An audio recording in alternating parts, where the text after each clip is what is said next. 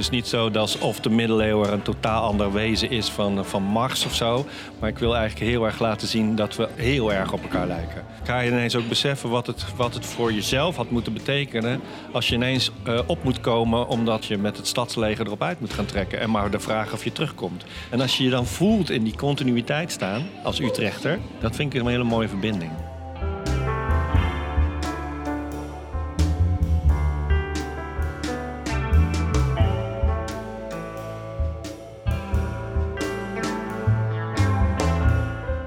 Welkom bij de podcast van de Historische Vereniging Oud-Utrecht. Arjan den Boer spreekt met Utrechtse historici over de geschiedenis van de stad en hun fascinatie daarvoor.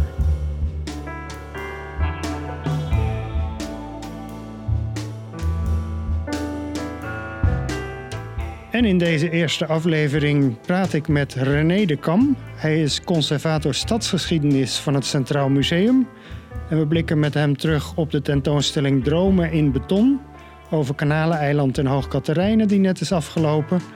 Maar we blikken ook vooruit op zijn eh, nieuwe tentoonstelling later dit jaar. Die heet De Ommuurde Stad en die gaat over de stadsverdediging van Utrecht. Ik heb met hem afgesproken in het Museumcafé van het Centraal Museum.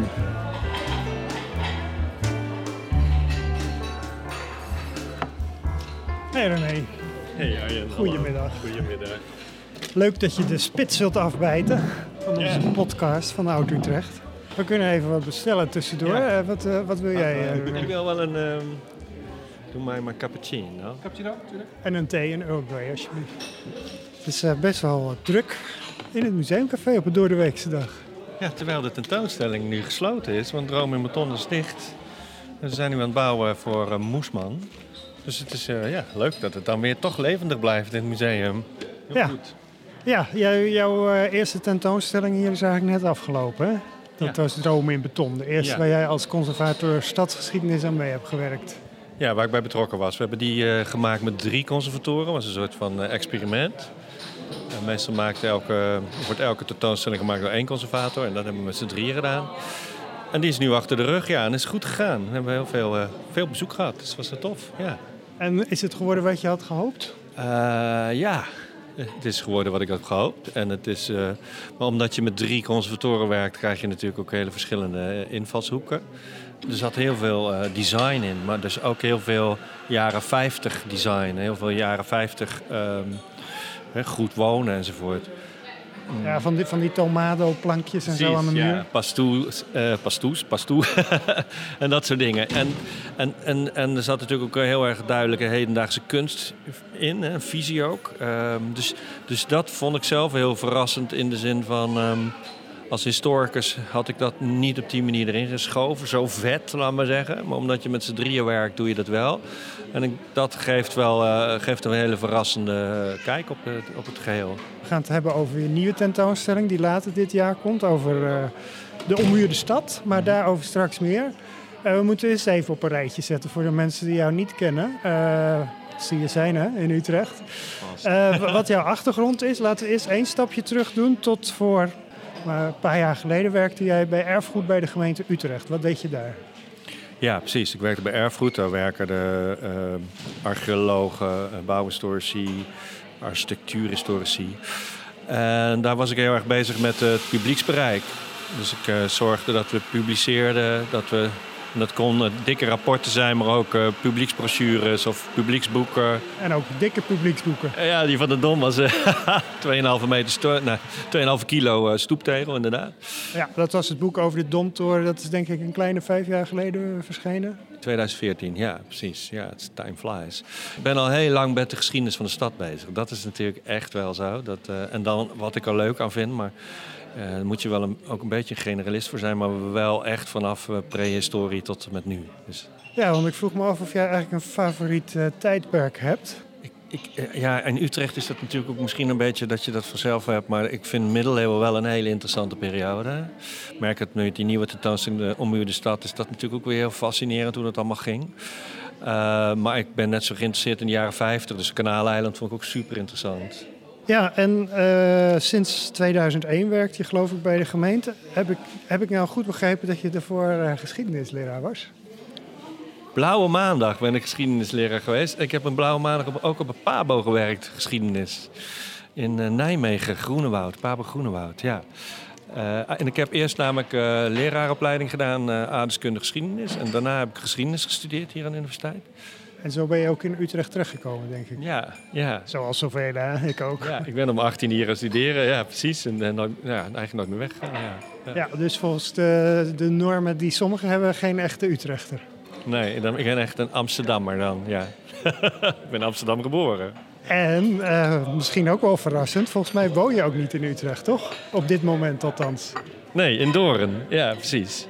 Ah, wel groot Utrecht. Ik, ik, zeg altijd maar, de Domproost woonde in de middeleeuwen ook in Doorn. Dus ja, waar hebben we het over? Hè? Dus, uh... ja. Nou ben ik nog wel benieuwd. Uh, twee jaar geleden heb je dan de overstap gemaakt naar uh, het Centraal Museum vanuit de gemeente. wat is eigenlijk het verschil? Ja, er is wel, het is wel een heel groot verschil. De, de, de, de organisatie gemeente Utrecht is natuurlijk volstrekt anders dan een organisatie als een museum. Uh, binnen de organisatie van de gemeente Utrecht was ik als iemand die inhoud naar publieks bracht een vrij unieke functie in al die duizenden ambtenaren. Uh, en hier is het gewoon onze core business. Iedereen die in het museum werkt is bezig met uh, kunst, geschiedenis, whatever wat we in dit museum hebben, naar buiten te brengen. Dus het publiek staat in deze, in deze instelling helemaal centraal. Dus het is meer naar buiten gericht hier? Ja, en dan, uh, bedoel, de gemeente is natuurlijk ook, ook naar de burger gericht. Maar als je het over de website had, dan wilde ik graag heel veel vertellen over de geschiedenis van de stad. Maar dat was daar niet altijd waar het om ging. Want zij wilden de burger informeren waar je paspoort kon halen of uh, wanneer je vuilnis werd opgehaald. Hele legitieme dingen. Maar hier in het museum is, zijn we echt allemaal bezig met ja, tentoonstellen van kunst, geschiedenis, erfgoed, whatever. En, en dat is wel hè, ontzettend. Ik vind het heel erg leuk. Um, misschien ook een leuke vraag, helemaal niet om je tegen hem af te zetten. Maar wat, wat doe jij hier anders dan je voorganger? Dat was Renger de Bruin, hè? die heeft hier ook lang als uh, stadsconservator gewerkt. En iedereen heeft natuurlijk gewoon een eigen manier van werken, een eigen invalshoek. Ja, ik heb altijd geleerd je nooit iets uh, verkeerd zeggen over je voorganger. Dus, uh... nee, maar het gaat ook niet om, nee. om een nee, nee, oordeel, maar snap, meer van een, verschil. Ja, ik denk dat ik, ik, heb natuurlijk ook een heel erg een basis door dat erfgoed, door een hele lange geschiedenis. Uh, door twintig jaar met die stad bezig te zijn. Uh, Renger is iemand die zich ook altijd heel erg bezig heeft gehouden en nog steeds doet, want hij werkt nu op de universiteit. Uh, vooral ook met de, de 18e en 19e eeuw, maar vooral ook met, met de adel, hè, met, de, met de, de upper class in de stad. En daar heeft hij prachtige tentoonstellingen over gemaakt, ook over de Duitse orde en zo. Um, maar ik ben denk ik ook meer vanuit mijn, hoe, ik zelf in elkaar steek, maar ook door erfgoed met de archeologen bijvoorbeeld. Die, daar graaf je nou juist veelal de dingen op van de, juist de normale mens, weet je wel. Je, je, je, je zit eigenlijk te vroeten in de oude huisraad van Jantje, Jan, ja, de gewone Utrechter. En dat heeft niks met adel te maken. En ik vind zelf heel erg belangrijk om die geschiedenis proberen ja, dus niet alleen de geschiedenis van de elite, maar van Precies. alle Utrechters eigenlijk. Precies, ja. ja. Dat vind ik heel interessant en heel belangrijk. En als je, dat zie je in Dromen in Beton natuurlijk, met Kanaaleiland en uh, Hoge Treinen. Maar dat zie je straks hopelijk ook in de ommuurde stad, waarin je gaat zien dat uh, de burgers van Utrecht, met name in de middeleeuwen, maar daarna ook, ook zelf gewoon persoonlijk een hele belangrijke rol speelden in die stadsverdediging en in het stadsleger. En wat dat dan betekent voor je als mens. En dat is voor mij denk ik ook een hele belangrijke drijfveer sowieso om geschiedenis te gaan doen. Ik wil eigenlijk steeds die afstand met die historische mensen zo klein mogelijk maken. Dus niet zo dat alsof de middeleeuwen een totaal ander wezen is van, van Mars of zo. Maar ik wil eigenlijk heel erg laten zien dat we heel erg, heel erg op elkaar lijken. Alleen dat de, die situatie anders was. En als je dat soort vergelijkingen gaat maken, ga je ineens ook beseffen wat het, wat het voor jezelf had moeten betekenen. Als je ineens uh, op moet komen omdat, uh, omdat je met het stadsleger erop uit moet gaan trekken. En maar de vraag of je terugkomt. Dus je probeert je, als ik het zo hoor, echt in te leven in hoe het was om in een bepaald tijdperk, maar ook in een bepaalde rol hier in Utrecht te leven. Ja, precies. En dan die link weer te trekken naar het nu. Ik denk dat elk historisch eh, eh, onderzoek eigenlijk een, een, een link naar het eh, heden moet hebben. En uh, zodat je ook als dus, dus de museumbezoeker vandaag de dag over die dingen gaat nadenken. Van goh, wat heb ik eigenlijk over voor mijn veiligheid nu? En wat doe ik daar eigenlijk nu voor? En dat gerelateerd aan beseffen dat je iemand in de 15e eeuw gewoon echt uh, gewoon met, met zijn eigen lijf voor de stadsverdediging op moest komen met alle risico's. Ja. Ja, en bij Dromen in Beton is dat natuurlijk ook gebeurd door de link te leggen met hoe het nu ja. met Hoogkaterijn, ja. uh, Kanaleiland gaat. Was dat lastig om die uh, link te leggen? Dit is natuurlijk iets wat dichterbij staat dan de middeleeuwen. Ja, het is lastiger, maar wat ik ook merkte bij heel veel bezoekers is dat je wel het grote voordeel hebt dat heel veel mensen uh, op een of andere manier nog met hun voeten in die geschiedenis staan. De mensen die het zelf hebben meegemaakt, of de ouders van de mensen, weet je wel. Ja, dus roept ook een bepaalde nostalgie op, hè? ook die meubels en zo. Ja, nostalgie op. En, uh, en, en, maar ook dat. Uh, ik had hier bijvoorbeeld een rondleiding op een gegeven moment voor 60 planologie-studenten van de universiteit. Uh, en ik denk dat, dat zij heel erg bezig zijn met nu bijvoorbeeld het gezond stedelijk leven in de opleiding. En dan ineens gaan zien. Healthy Urban Living heet het, geloof ik, officieel. Healthy Urban Living. Uh, waar de gemeente Utrecht natuurlijk ook heel erg mee bezig is. En, en als je dan ineens gaat, gaat zien dat in een wijk die lang in een kwaad daglicht heeft gestaan. Hè, of in ieder geval waar niet altijd positief over werd geschreven of gedacht. Dat dat eigenlijk een, een soort schoolvoorbeeld in de jaren 50 was van gezond stedelijk leven. En revolutionair was dat soort, dat soort dingen vind ik heel leuk. En dan, dan ineens mensen bedenken, oh, maar wacht nou eens even. En juist ook omdat de jaren 50 relatief weer dicht bij elkaar bij ons staat. Maar aan de andere kant zijn sommige dingen... Bijvoorbeeld dat je als vrouw in tot 56 ontslagen werd dat je ging, als je ging trouwen. Uh, dat staat, tegen, staat weer heel ver van ons vandaan, gek genoeg. Dus, dus dat zijn, die, die verbindingen vind ik zelf altijd superleuk. Ja. En hoe, hoe denk je nou dat die omslag is geweest? En dat is het laatste over dromen in beton, denk ik. Maar uh, van ja, echt een soort futuristische wijk bijna. En dat geldt ook voor Hoog Katerijnen, een heel uh, nieuw project. Naar ja, iets wat men als negatief ervaart, als ja, verloederd soms. Ja, ik denk, dat, ik denk eigenlijk dat zowel Hoog Katerijnen, en maar zeker Kanaleiland eigenlijk een beetje de, de, de, de, tragiek, als je het zo mag noemen, is dat ze gebouwd zijn vanuit hele grote idealen maar net op een scharnierpunt van de samenleving. Dus als je bijvoorbeeld kijkt in de jaren 50 wordt Kanaleiland ontwikkeld en echt revolutionair qua uh, gezond leven, licht en lucht. Hè, en uh, voor het eerst riolering en stadsverwarming. En uh, maar als je tien jaar later gaat, als de eerste paal worden 57 geslagen, 67 gaat kijken, dan hebben we ineens de Summer of Love, weet je. Dat, je ziet een enorme omklapping in die samenleving. 77 hebben we de Club van Rome gehad, enzovoort, die ons waarschuwt voor alle gevolgen van die consumptiemaatschappij, die dan inmiddels uh, eh, 15 jaar oud is.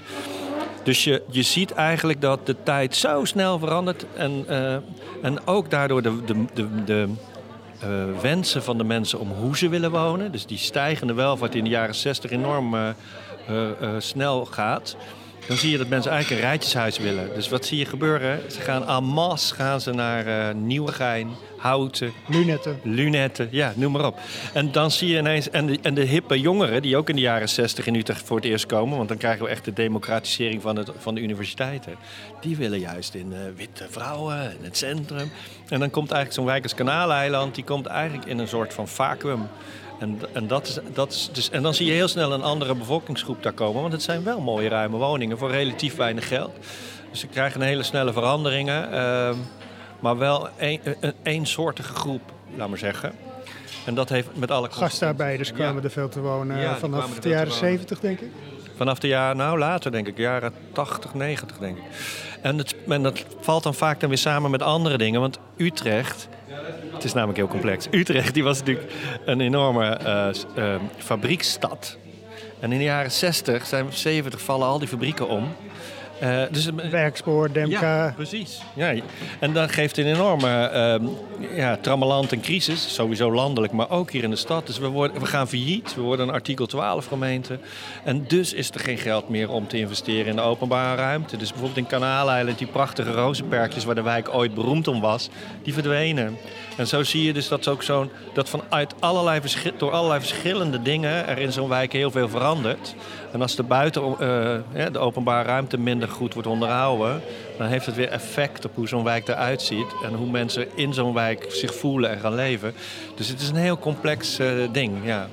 Ja, en bij Hoogkaterijnen was de omslag eigenlijk al tijdens te bouwen. Hè? Want zo'n project duurt natuurlijk lang voor het ontworpen is. En dan nog eens vijf jaar, misschien nog langer gebouwd. Eigenlijk was de tijd al veranderd toen Hoogkaterijnen werd geopend. Ja, de plannen zijn van 62 en het werd geopend in 73. Dus de samenleving was totaal veranderd, maar er werd ook heel anders gedacht over consumeren, consumptie.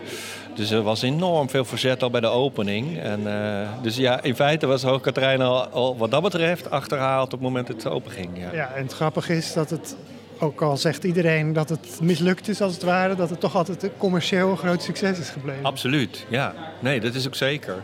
En je hebt natuurlijk, er zitten zoveel ingewikkelde kanten aan. Want ik bedoel, dat Ravenstein-station was natuurlijk prachtig. Maar met, de, met het aantal passagiers of treinreizigers van vandaag de dag had dat het natuurlijk never nooit gered. Dus, dus het, het is ook te simpel om alles maar, uh, weet je. Dus het, uh... Ja, ik heb wel eens gedacht dat het ernaast kunnen laten staan als uh, restaurant of zo. Ja, hè? ja, dat was wel heel cool geweest trouwens. Ja, het was natuurlijk heel mooi. Ja, dus ja, dingen zitten natuurlijk complex in elkaar. En, het, en, en ik denk dat Hoogkaterijnen wel, ja, het was wel heel erg toekomstgericht. En heel erg op de, op de groei en verandering van de stad. Maar ja, ook daarin kwamen allerlei andere nieuwe ideeën. Ja. Voordat we het over het nieuwe project om u de stad uh, gaan hebben, uh, nog één uh, heikel tussen aanhalingstekens onderwerp. Jij hebt je een aantal jaar geleden erover uitgelaten dat je wel een van de vele Utrechters bent die een apart historisch museum zou willen hebben in de stad. En nu werk je bij het Centraal Museum, waar in ieder geval in het verleden, terecht of niet terecht, toch wel kritiek is geweest van geschiedenis, stadsgeschiedenis, een beetje ondergeschoven kindje. Hoe denk je er nu over? Nou ja, wat, wat ik sowieso echt vind, is dat wij als Utrecht hebben natuurlijk een hele bijzondere geschiedenis. Het is eigenlijk heel leuk om als Amsterdammer in, in Utrecht te werken, want het is gewoon historisch gezien natuurlijk veel interessanter. Dus ik vind dat er uh, wel uh, uh, veel uh, aandacht uh, aan die geschiedenis uh, mag worden besteed. Er zijn ook allerlei plannen lopen daarvoor, gelukkig. Dus, Binnen het museum bedoel je, of in samenwerking ja, in, met? In samenwerking met allerlei organisaties. Dat is denk ik waar we uiteindelijk naartoe zullen gaan. dat lijkt me ook heel goed, omdat je... Uh, kijk, als je nu een historisch museum zou beginnen in Utrecht... dan heb je bijvoorbeeld, om, om iets te noemen, je hebt geen collectie. Nee, dan zou je de andere instellingen als het ware moeten leeg uh, plukken. En wat je in Utrecht natuurlijk wel hebt, is dat we, we hebben allerlei verschillende collecties. Het Centraal Museum heeft een historische collectie van de stad. Het Utrechts Archief heeft natuurlijk allerlei dingen. Erfgoed van de gemeente Utrecht heeft heel veel uh, collectiestukken. Dan hebben we nog een aantal kleinere musea en instellingen die met de geschiedenis van de stad bezig zijn. Dus op die manier zou je eigenlijk... Ik noem ook toch nog maar even de Vereniging Oud Utrecht. Ja, de Vereniging Oud Utrecht bij Zonneburg. Je hebt, uh, het, je hebt het museum over Zuilen, je hebt de, uh, het Volksbuurtmuseum er zijn, en, en, en Damunder. Dus er zijn heel veel uh, uh, plekken in de stad waar, waar je iets van de geschiedenis van de stad kunt zien. En, maar zou er meer moeten worden samengewerkt of gebeurt dat al voldoende? Ja, ik denk dat ik denk als je het vergelijkt met toen ik hier kwam werken, zo'n twintig jaar geleden, dat we al ongelooflijk veel meer samenwerken. Er zijn nu ook allerlei plannen bezig om beter samen te werken. Om het verhaal gemeenschappelijk te vertellen vanuit verschillende plekken, verschillende perspectieven. En dat maakt het denk ik eigenlijk ook heel interessant. En ik denk en ik hoop wel dat het Centraal Museum, nou ja, dat, dat, dat we gewoon, uh, daar ziet het ook heel goed naar uit, een hele actieve rol erin willen spelen. Dus we hebben nu niet voor niks natuurlijk nu uh, Droom in Beton net afgesloten. En nu eigenlijk alweer over drie, vier maanden de Stad. En met een beetje geluk, of met een beetje geluk, maar die staat ook al gepland met, met, met 900 jaar stad weer een grote tentoonstelling. Er zijn nog andere projecten waar we mee bezig zijn. Dus ja, en even voor de duidelijkheid, 900 jaar stad, dat is in 2000... 22. Twee, ik wou bijna 21 zeggen, dat zou niet zo'n beste beurt zijn geweest. 22, want het gaat om 1122 ja. waren de stadsrechten. Ja. Ja. ja, precies. Dus daar, uh, dat is natuurlijk ook een moment waarop... Uh, een goed moment voor al die, die partijen die net noemde om samen te gaan werken. Nou ja, daar zijn we natuurlijk heel erg mee bezig. En dat is, ik denk, eigenlijk ontzettend leuk. Om juist, uh, want ik bedoel, ook het Katerijnenconvent heeft natuurlijk superveel mooie Utrechtse dingen. Um, dus, dus, dus je ja, dus ik, ik, ik, ik denk, ik ben, laat me zo, zeggen, ik ben er 100% voor om uh, dat we in deze stad met zo'n mooie geschiedenis, en ik merk ook dat het, dat het leeft. Er zijn er gewoon heel veel mensen naar Droom in Beton alweer gekomen, terwijl je er denkt, het is recent gezien, maar echt. Dus het leeft enorm in de stad, maar de vorm waarop je dat zou kunnen doen, dat is waar we nu naar, naar zoeken. En, uh, dus ik ben 100% voor dat we meer met de geschiedenis van de stad doen. En juist ook die verbindingen te maken. Dat vind ik zo interessant, weet je wel. Dat je, dat je, dat je, dat je nagaat dat zowel mensen in de jaren 50 bij het ontwikkelen van kanaaleiland met veel dezelfde problemen worstelen als wij nu. Mobiliteit, woningnood. Maar dat in de late middeleeuwen er natuurlijk ook allerlei dingen waren waar wij nu mee worstelen. Of, en dat zij daar ook al mee bezig waren. En als je je dan voelt in die continuïteit staan als Utrechter, dat vind ik een hele mooie verbinding. Dus dat is wel belangrijk. Ja, nou, mooi moment om over te schakelen op De Ommuurde Stad. Het is de titel eh, van de tentoonstelling die in, eh, in juni opent over de Utrechtse stadsverdediging die jij aan het maken bent nu. Maar het is ook nog eens de titel van uh, de Van de Mondenlezing die jij voor de Vereniging Oud-Utrecht gaat houden begin februari. Dat is voor de mensen die het niet weten en die wel luisteren. Is dus een jaarlijkse grote lezing hè, in de Pieterskerk die dan helemaal vol zit. Je moet ook heel snel reserveren. Maar dan uh, krijg je echt een avond lang alle ins en outs over een onderwerp door een uh, deskundige gepresenteerd. En dit is notabene al jouw derde van de mondenlezing, las ik. Ja, klopt, ja. Waar gingen de eerste twee over? Weet je dat nog überhaupt? Ja, ja, ja. ja. De, eerste was, uh, de eerste ging over de aanleg van de HLV-busbaan. En wat dat voor uh, archeologie had opgeleverd. Toen was ik nog echt een broekie. En ik was uh, nog maar drie maanden in dienst, geloof ik. Of, uh... En je mocht gelijk de kerk toespreken. Ik mocht gelijk. Ik vond ik wel doodeng, ja. De grote anekdote is dat, dat ik ben aangenomen door Tark Hoekstra, mijn voorganger. Stadsarcheoloog, hè? Ja. En die zat daar op bank nummer twee. En ik was echt bloednerveus, zoals je je zult voorstellen. En hij zat ernaast zijn vrouw en hij zat alleen maar met zijn hoofd te schudden zo. En ik zag ja, dat voortdurend in mijn linker ooghoek. dus ik werd er niet zeker op, laat ik het zo maar zeggen. En later heeft zijn vrouw hem ook ongeloof op zijn kop gegeven. Dat hij dat natuurlijk nooit had mogen doen. En zei ze tegen mij, was heel goed hoor jongen. nou, bij de tweede van de mondenlezing ging het vast beter. En de derde, dat zal dan wel helemaal een hoogtepunt worden, denk ik. Ik hoop het, ja. ja. Ga je daar eigenlijk uh, het verhaal achter de tentoonstelling geven? Of ga je ook een soort preview geven van wat er op de tentoonstelling te zien zal zijn? Ik zal veel beeld gebruiken wat we in de tentoonstelling aan tekeningen, schilderijen, enzovoort laten zien. Uh, ik ga ook in op de keuzes die je maakt voor zo'n tentoonstelling. Maar ik wil ook inhoudelijk wel natuurlijk veel vertellen over de omhuurde stad. Ik ben ook nog bezig met een boek wat gaat verschijnen dan 19 juni bij de opening. Uh, of 20 uh, voor het publiek. En, uh, dus ik, ik, moet hem nog verder in elkaar schroeven. Maar ik denk dat het juist. ehm, wat we in de tentoonstelling zelf doen, is te hebben het verhaal opgehangen eigenlijk aan de wapenwetloop. En dat vind ik eigenlijk ook een heel mooie rode draad voor de lezing. Ja, dat moet je even uitleggen natuurlijk. Hè? Want de, de, de, de stadsmuren, nou ja, ik denk dat niet iedereen, maar veel mensen wel weten. De plek waar nu het, het zoggeplantsoen is, daar stonden de stadsmuren eigenlijk tot in, uh, in de 19e eeuw. Uh, sommige mensen kennen wel de bolwerken zoals Manenburg en, en Zonneburg. Maar wat dat met een wapenwetloop te doen heeft... Nou, wat we eigenlijk in die tentoonstelling... We gaan natuurlijk in die tentoonstelling verhaal bezig over die ommuurde stad. Maar eigenlijk is die ommuurde stad een fase geweest in een hele lange wapenwetloop... waarin de mens zich moet beschermen tegen de mens. En uh, wij hebben een heel mooi relief in de collectie die ooit in de Domkerk, uh, de kathedraal, uh, heeft gezeten van Kain en Abel. Dus de twee eerste kinderen die op aarde worden geboren uit Adam en Eva. En, en gelijk zo'n mot krijgen. Dat, Die gingen met elkaar met de knots te lijf, geloof ik? Ja, dat staat niet in de Bijbel. Het maar staat, het staat wel vaak op plaatjes. Ja, op de, precies. Op het relief staat hij met de knots inderdaad. En dan slaat Kain en Abel dood. Uh, de oudste slaat dus de jongere broer dood uit uh, miskenning, jaloezie. Dat, dat, is het Bijbelse verhaal. Het, het zit, komt ook in andere, zo ook in de Koran en in de Torah. En dat is eigenlijk zo, vind ik, een heel fascinerend verhaal. Dat de eerste kinderen op aarde gelijk dus met elkaar uh, zo dusdanig slaas raken dat er gewoon het, het een het leven kost. En dat, waarom staat het in zo'n boek, weet je wel? Dat is, dat is toch een soort waarschuwing bijna tegen, kijk uit voor andere mensen. Zelfs voor je eigen broer. En dat is dus, die wapenwetloop, dat zie je natuurlijk in de alle archeologie en alles waar we zijn. Die speelt tot en met vandaag de dag, waarin de mensen vanuit Montana drones besturen, weet je. En, en daarmee in Irak uh, uh, andere doden. Die, die wapenwetloop is zo bepalend en zo sturend voor ons mens zijn. Um, en de ommuurde stad is een fase erin geweest. Ja, want als we dan van Kain en Abel en uh, de drones weer op Utrecht uh, inzoomen, dan, dan kom je volgens mij op, op de stadsmuren die van, vanaf 1122 dan ongeveer gebouwd zijn. Ja, je kunt Of, nog- of begin je al eerder? Begin je al bij de Romeinen bijvoorbeeld? Ja. Nou, als alles lukt, eh, eh, we beginnen, we beginnen eerder. Wat we sowieso hebben gevraagd bij het Rijksmuseum voor Oudheden... zijn twee eh bronstijdzwaarden in bruikleen. En, want het is helemaal een keer interessant. Het, bron- het zwaard, het, het, het zwaard, en dat is om de bronstijd krijg je dat pas voor het eerst... is het eerste echte gevechtswapen wat puur sec bedoeld is tegen de mens. Je kan ook met een bijl iemand zijn hersens inslaan, maar dan kan je ook hout mee Of met een knots? ja, en ik kan met een knots, maar je kan ook iets met jagen. Met een speer of met een pijl en boog.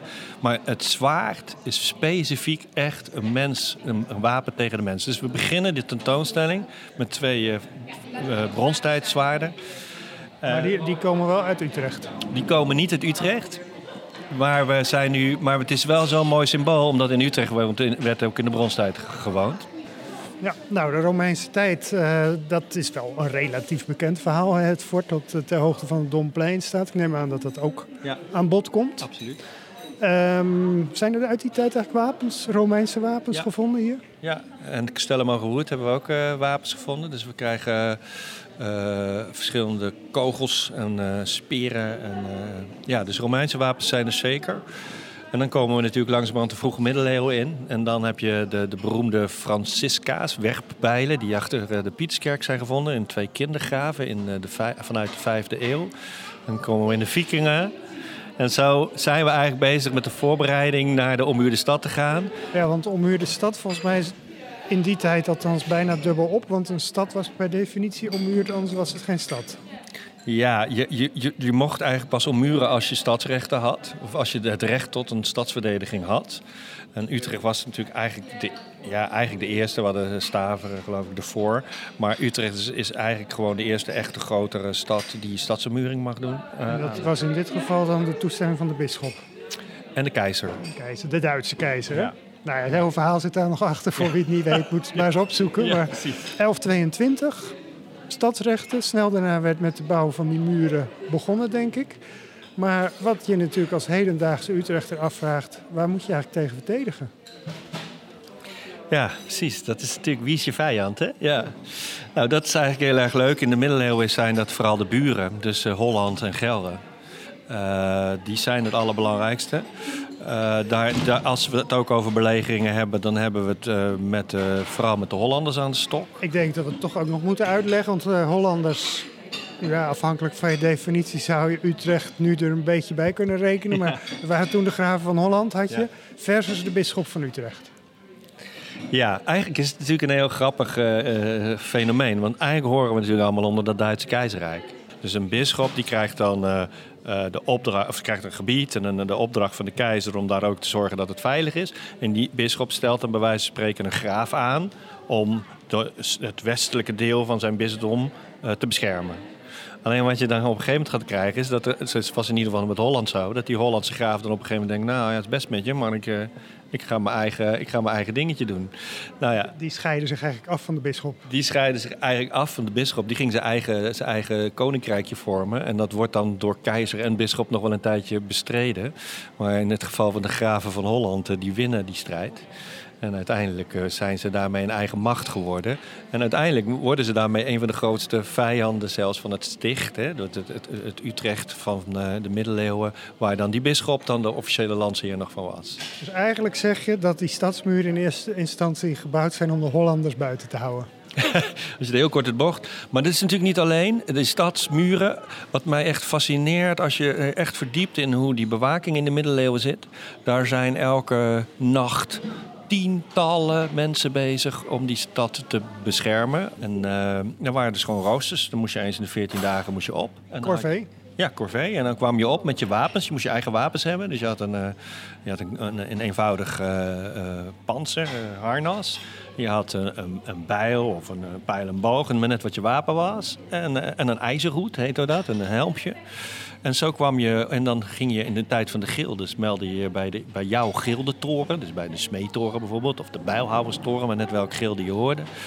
En dan had je inderdaad eens in de 14 dagen of eens in de 16 dagen had je dus eh, dienst. En dat waren dan twee eh, ploegen per nacht. Dus rond half twee eh, mocht je weer naar huis of moest je opkomen.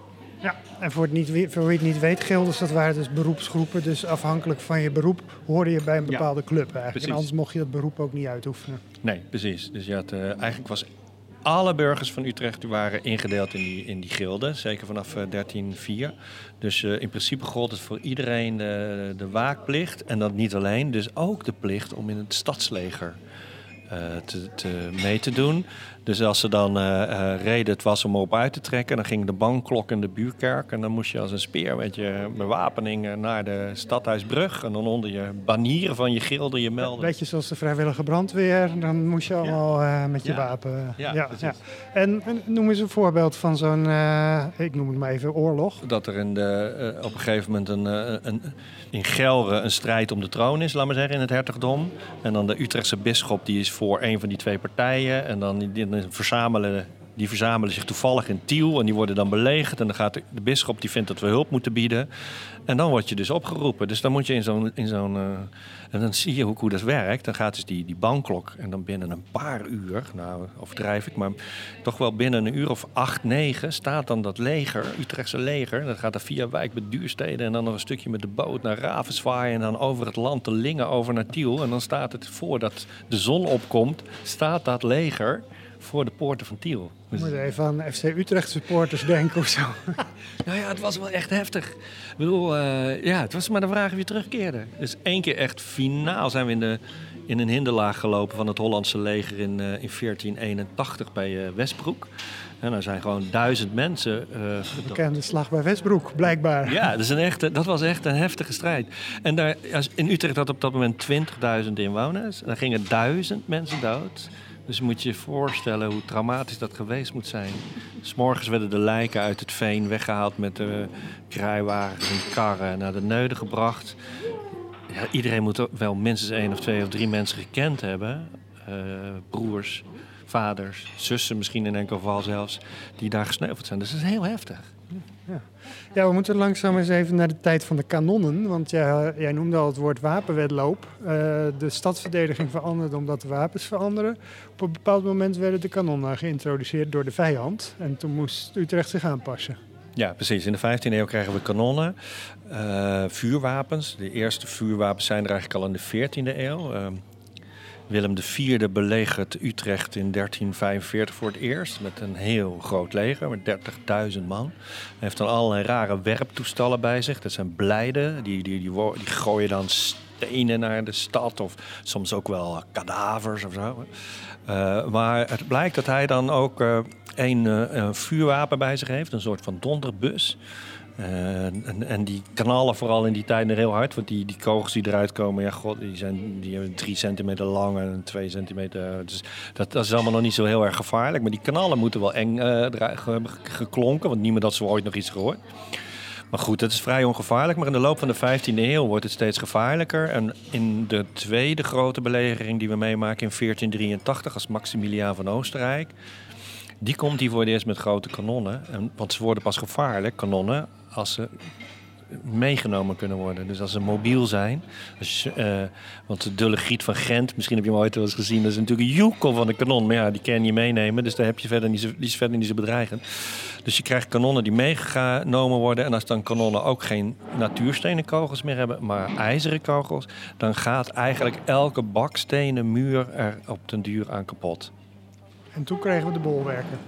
En toen kregen we een heel nieuw. Ja, dan, komt er een hele. Eh, dan zie je de wapenwetloop echt in, eh, in, uh, in werking. Dan moeten er dus enorm veel ideeën worden bedacht. Hoe, kun je nou, hoe kunnen we nou A. kanonnen gebruiken?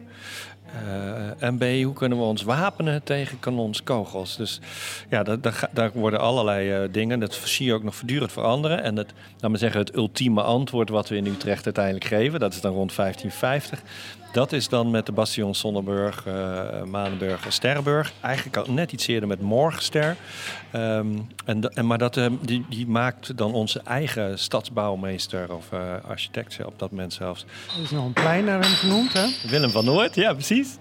En... Um, maar die heeft wel heel veel hulp gehad van, uh, van verschillende Italianen. Want die zijn eigenlijk de grote ingenieurs en de, uh, de, de, lichtende voorbeelden van dat moment. Dus bijvoorbeeld de Donato de Bono, die heeft hier veel uh, gedaan. En doordat die, die bastions aardeballen hadden, konden ze wel die kanonnen opvangen. Ja, en dat wordt eigenlijk met de hele ommuring gedaan. Dus wat je eigenlijk ziet in die 16e eeuw is dat de, de muren die 10, 12 meter hoog waren, los van de torens, die worden, die worden met 2, 3, 4 meter verlaagd. Denk zo, in de rekeningen vind je alleen maar met manshoogte, dus een meter of twee. Maar er wordt daarachter wordt er een aarde uh, wal aangelegd, waarop je ook kon rijden. Hè, dus een weg, daar kon je dus ook kanonnen neerzetten. Maar mochten nou een, een vijandige kanonskogels in, inderdaad je muren kapot maken, dan ploppen die kogels vervolgens in die aardewal en is er nog helemaal geen vuiltje aan de lucht. Dat is het idee inderdaad. Nou, we moeten eigenlijk weer alweer verder naar de volgende fase. Want, uh... Wat je eigenlijk ziet is dat uh, uh, op last van Karel V worden, die, worden de laatste verbeteringen, die bastions toegevoegd. Toen, toen waren we natuurlijk super modern. Daarna krijgen we natuurlijk de 80-jarige oorlog, et cetera. En dan, wordt, dan krijgen we ruzie juist met de zoon van Karel, noem maar op. En wat je gek genoeg ziet, is dat vanaf 1600, ondanks dat de 80-jarige oorlog nog lang niet is afgelopen, de aandacht voor die stadsommuring vermindert. In de tentoonstelling wil ik eigenlijk laten zien door, door een, uh, de ene kant de, de, het verval van, die, van de ommuring te laten zien vanaf 1600. En aan de andere kant te laten zien dat we als Utrecht ineens onderdeel gaan worden van de Republiek. Dus we moeten een deel van onze reserveringen voor, het, uh, voor de beveiliging gaat nu ineens meer naar een land dan naar de stad. Ja, dus eigenlijk met de vroegere vijanden uh, hè, zitten we samen in een republiek. Ja, en dat heeft natuurlijk allerlei consequenties. Dus bijvoorbeeld, ik probeer een, een model van een 17e eeuwse, het is een 17e eeuws model van een oorlogsschip, de Utrecht, uh, in de tentoonstelling te krijgen. En dat voer onder Zeeuwse vlag. Maar wij moesten dat betalen. Dus je, je ziet dus de verschuivingen. En Ze hadden gewoon ons eigen oorlogsschip. We hadden ons eigen oorlogsschip, ja. We hadden er twee zelfs. We hebben ook nog de Domtoren van Utrecht gehad. Maar de Utrecht is er ook een. Uh, dus je ziet, we moeten onderdeel worden van dat staatse leger. En dat heeft dus blijkbaar enorme consequenties voor die stadsverdediging. En dat loopt natuurlijk uiteindelijk, dat gaan we ook in die tentoonstelling laten zien. Uh, dat loopt natuurlijk uiteindelijk door naar het Koninkrijk der Nederlanden van uh, Willem I. En dan eigenlijk, de, die, en hij kiest voor een echte landsverdediging, de Nieuwe Hollandse Waterlinie vanaf 1815.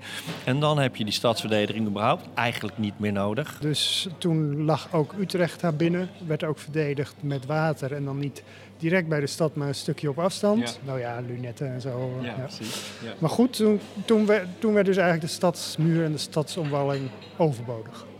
Ja, precies. Dan wordt het eigenlijk overbodig. We hebben dan echt een landsverdediging. En uh, met de vestingwet in, in, in, de jaren 70 van de, van de 19e eeuw uh, worden dan echt de stadsmuren overbodig verklaard.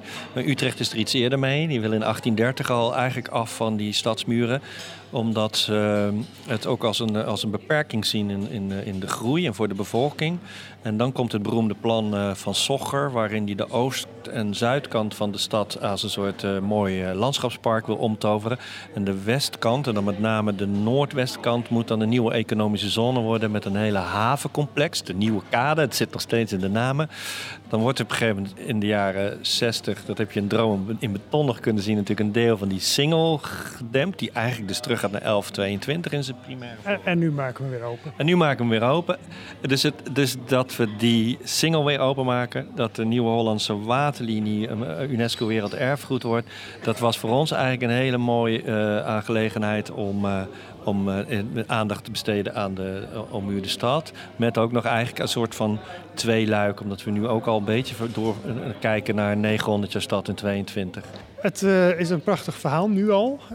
laat staan als we er nog allemaal voorwerpen en zo bij hebben. En bij lezing dan plaatjes. Maar dank je in ieder geval dat je er vast wat, heel veel eigenlijk, over hebt willen vertellen. Ja. En uh, succes met de lezing en de verdere voorbereiding van, uh, van de tentoonstelling. Dankjewel. Ja, ik zou zeggen, kom allemaal kijken.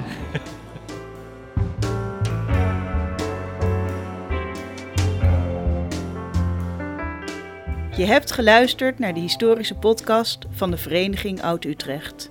Samenstelling Arjan den Boer.